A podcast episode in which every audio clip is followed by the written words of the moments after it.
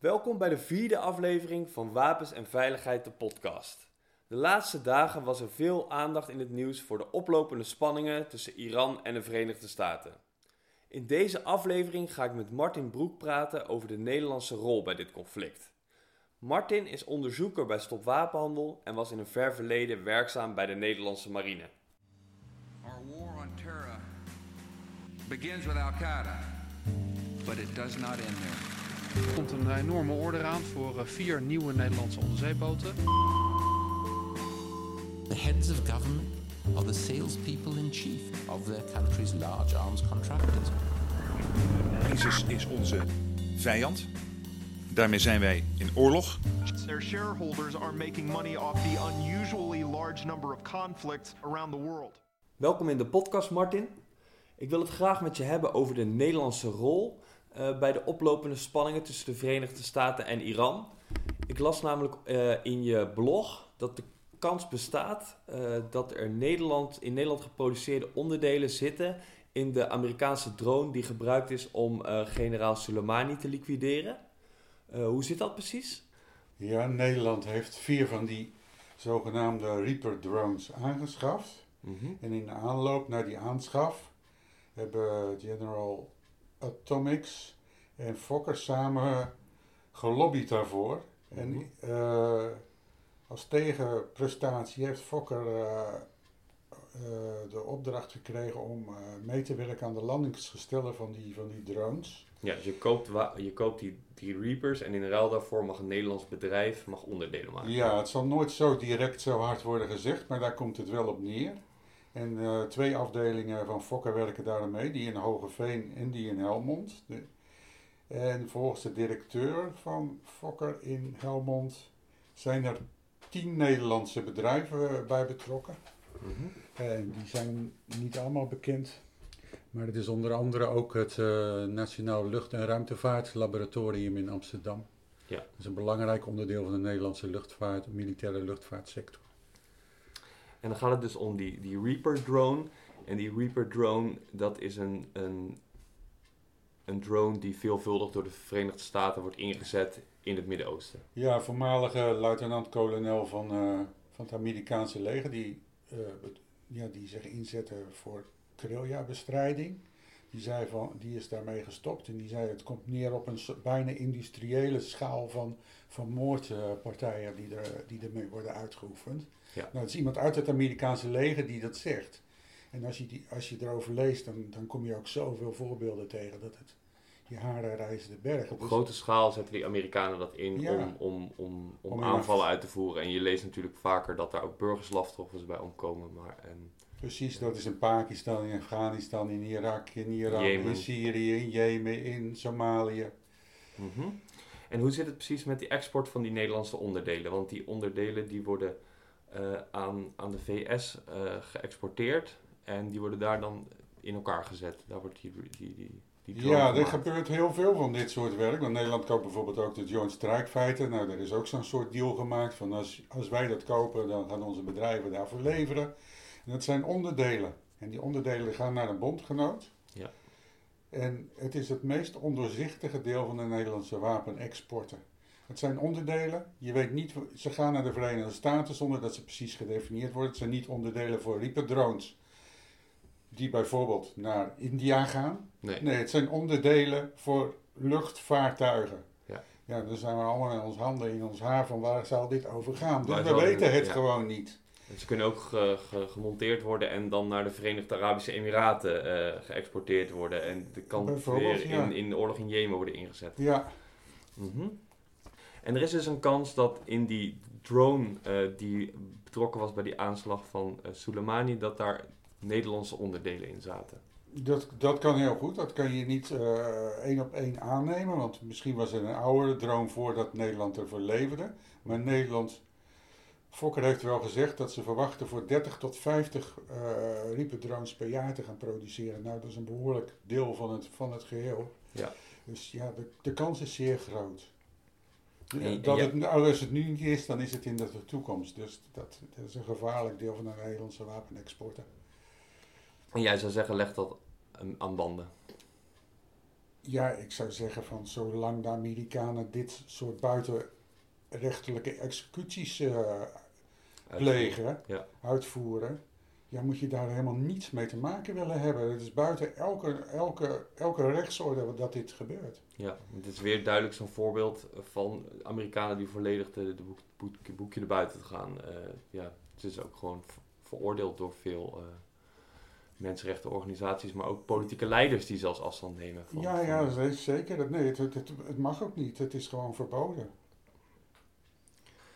Ehm, en dan wil ik het graag nog hebben over eh, het Nederlandse fregat. Wat eh, besloten is dat de Nederlandse regering heeft vorig jaar besloten dat er eh, een Nederlandse fregat onder leiding van, van de Fransen gestuurd wordt naar de Perzische Golf, vlakbij Iran.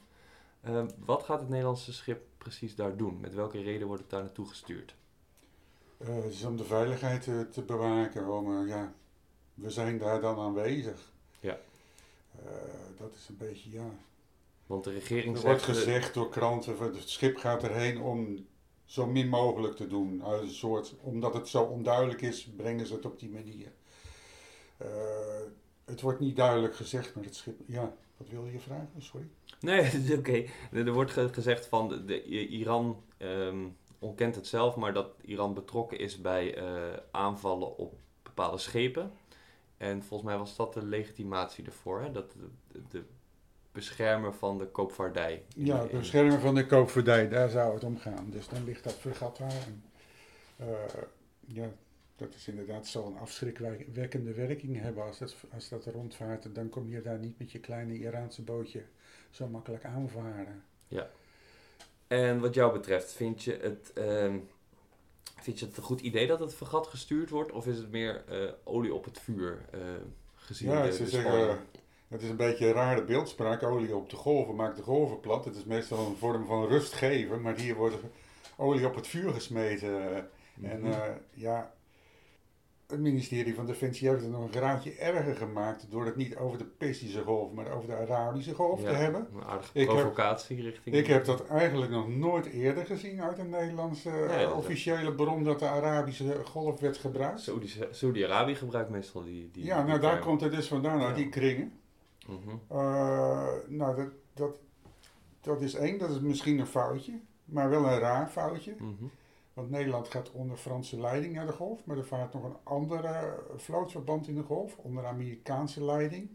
En dat vaart met de Saoedi's, met de Verenigde Arabische Emiraten, met Bahrein, met Ja. Australië, eh, met eh, het Verenigd Koninkrijk en ja, voor wat het waard is met Albanië. Ja. Maar er is, er is dus nog zo'n vlootverband aanwezig en dan het Nederlandse vlootverband daarnaast.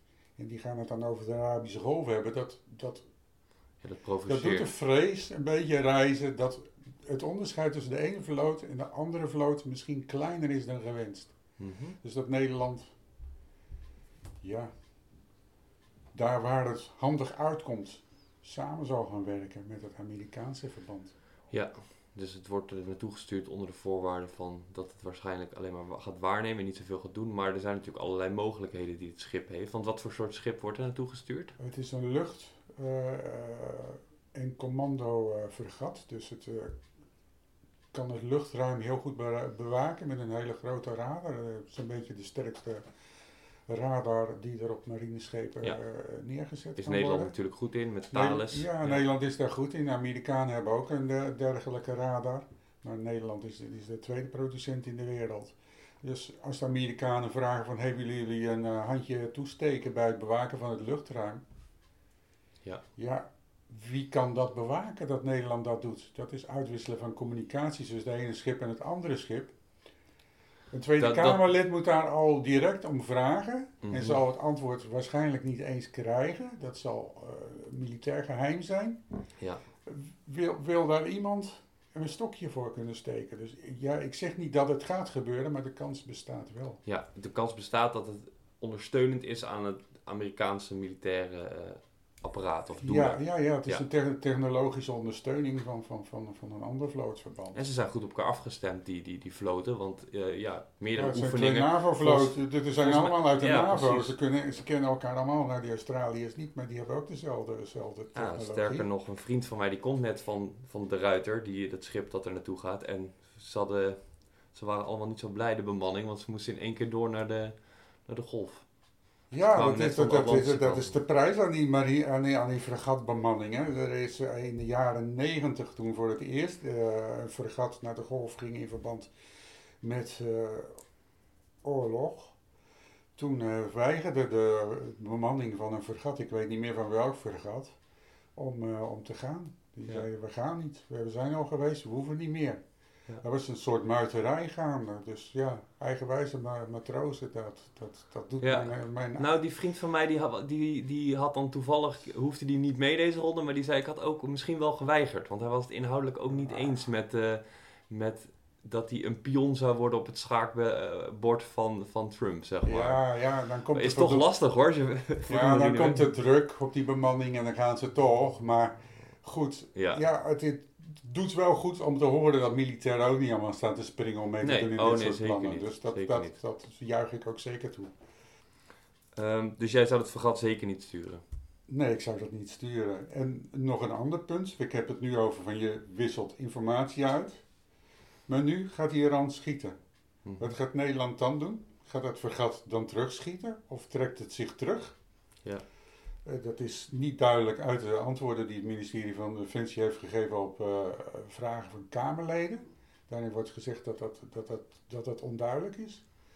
Dus ja, wordt dat dan ter plekke geïmproviseerd? Ja, ze gaan ook met een onduidelijke boodschap, met een onduidelijke, hoe heet het? Een eh, ja, onduidelijke missie worden ze op pad gestuurd. Ja, ze gaan er niet heen als gevechtsmissie, maar als je naar een oorlogsgebied gaat, wat het zou kunnen worden, Ja, zonder code of conduct, zonder inderdaad. zonder ja. geweldsinstructie. Ja, Ja, zonder geweldinstructie. Ja, ehm, ja, dus de minister van Buitenlandse Zaken Blok heeft de aanval op Iran niet veroordeeld. Nederlandse wapenonderdelen worden nog steeds eigenlijk geëxporteerd naar de Verenigde Staten. En het besluit van het Nederlands oorlogsschip ehm, staat nog steeds om dat naar Iran te sturen. Wat zou de regering volgens jou wel moeten doen, zeg maar, om te deescaleren? Een conflict los je niet op met militaire middelen, maar door diplomatie. Dus dat is het algemene term die je erop los kan laten. Dat kan in allerlei Mhm. verbanden zijn. Eh Europees verband ligt daarbij voor de hand.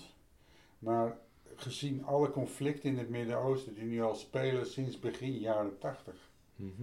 zou de Europese Unie misschien ook niet een vlootverband moeten sturen, maar een mooie conferentie moeten organiseren. eh, waarin de conflicten in Turkije, Syrië, Irak, Iran eh, gezamenlijk besproken worden met alle betrokken partijen. Dus eh, dat is volgens mij ook van heel groot belang. Zelfbeschikkingsrecht voor de volken van het Midden-Oosten. Dat betekent ook geen inmenging, maar steun aan een Ja. oplossing. Dat is wat anders. Dus een conferentie. En misschien die, eh, de Iran-deal proberen toch nog overeind te houden. Of een andere vorm Ja, van economische samenwerking met Iran. Nou, dat wordt natuurlijk wel geprobeerd om die Iran-deal overeind te houden. En dat, dat, dat, daar, daar is eigenlijk iedereen voor, behalve eh, Ja, onze bondgenoten in de Verenigde Staten. Ja, Eh, ja, bij die, dit is onze bondgenoot. Nederland koopt er al zijn wapens. Is dus heel erg afhankelijk van de Verenigde Staten. ja. Eh, voorstanders van de militaire missie in de Golf, die zeggen van ja, D66 wil altijd meer Europa, maar dan sturen we een schip en dan zijn ze weer, weer, zijn ze weer tegen. Ja, en dan zou ik zeggen van ja, het gaat, als je dan zo voor Europa bent, waarom pleit je dan ook vanuit diezelfde VVD voor steeds Amerikaanse straaljagers, Amerikaanse gevechtshelikopters? ja. Laten we Dus- dat ook eens een keer afschaffen om ons afhankelijk te maken van zo'n onbetrouwbare bondgenoot die gewoon in zijn eentje gewoon beslist hoe zo'n gebied eruit moet gaan zien met alle gevaren van dien. Eh, ja, en de regio ontzettend destabiliseert met dit, eh, met dit beleid. Dus verbind in daar misschien ook eens een keer consequenties aan. Spreek je ten eerste uit tegen dit soort beleid. Maar ga ook misschien eens minder wapens kopen en verkopen aan. We, we hebben ons met handen en voeten, in ieder geval de luchtmacht, aan, aan de Verenigde Staten uitgeleverd. En eh, ja, op den duur. Je kan niet geen wapenonderdelen leveren van wapens die je zelf koopt aan de Verenigde Staten. Dus ja, wapenleveranties stoppen, dat is vrij moeilijk, maar zou op, op termijn ook, eh, Ja. ook afgeschaft moeten worden, wat mij betreft. Ja, en verder dus diplomatie. En dat zou er ook op kunnen neerkomen, want we zagen dat in zowel Irak als Iran er heel veel demonstranten waren die democratische hervormingen wilden, die eh, ehm, ja, het ook niet eens waren met hun leiders, om die te steunen. In plaats van ehm, met militaire wedstrijdjes verplassen, alleen maar de, de, die, die leiders eh, alleen maar sterker in het zadel. eh, Als ze daar zetten. zelf om vragen, dan zou ik zeggen ja. Als ze daar geen behoefte aan hebben, dan nee. Is ook zo, ja. Dus dat, daar gaan ze zelf over. En dat is volgens mij iets wat we ons meer, veel meer moeten realiseren. Ja. Er zijn daar ook landen met mensen, met ideeën, met gedachten. Ja. Neem die ook voor volwaardig. En dat doen we helemaal niet. We denken dat we onze militaire knoet daar wel even overheen mogen leggen. Want ik zag, ja, ik zag ook een, een, een, een Iraakse vrouw bij Nieuwsuur die zei van joh, die, die, die Iraanse invloed, daar zijn we inderdaad helemaal niet blij mee, maar met die Amerikaanse invloed zijn we ook niet blij. Laten we nou eens gewoon met, met rust. Ja, die Iraanse invloed in Irak is gekomen. Ja, Omdat het land is gedestabiliseerd. Ja. Dus de poort werd opengezet. door voor de. Iraniërs om, Ja. om, om, om hun machts, eh, machtsbasis in Irak te verbreiden. Dus het is niet Het is ook een gevolg van decennia van, van, van westers eh, interventiebeleid. Ja. Ja, en, en niet alleen dat, maar ook nog van daarvoor, van de oorlog van 80, 87. Ja. Dat, eh, dat Waarin het Westen Saddam steunde tegen, tegen, tegen Iran. Iran. Ja. Dus ja, niet heel verwonderlijk dat Iran vervolgens denkt van ja, het is misschien handig om ons ook in Irak te nestelen. Dan hebben we een Ja. soort voorwaartse verdediging. Nee, zeker. Dus ehm, ja, concluderend, wapens gaan geen oplossing bieden. Voor, Nee, dat doen ze maar heel zelden. dat doen ze maar heel zelden. Ik zou niet zeggen nooit, maar zelden.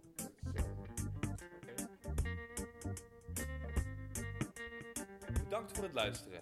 Vind je ook dat de Nederlandse regering zich uit zou moeten spreken tegen de Amerikaanse aanval en dat de regering er alles aan zou moeten doen om escalatie te voorkomen? Kom dan aanstaande zaterdag naar de manifestatie Geen oorlog met Iran. De manifestatie vindt plaats van 2 tot 3 uur 's middags op het Spui in Amsterdam. Democratie, veiligheid en stabiliteit worden niet gebracht met bommen. De enige winnaars van zo'n oorlog zijn de olie- en wapenindustrie. Demonstreer mee tegen oorlog en westerse bemoeizucht en voor vrede en democratie. Meer informatie vind je op www.stopwapenhandel.org.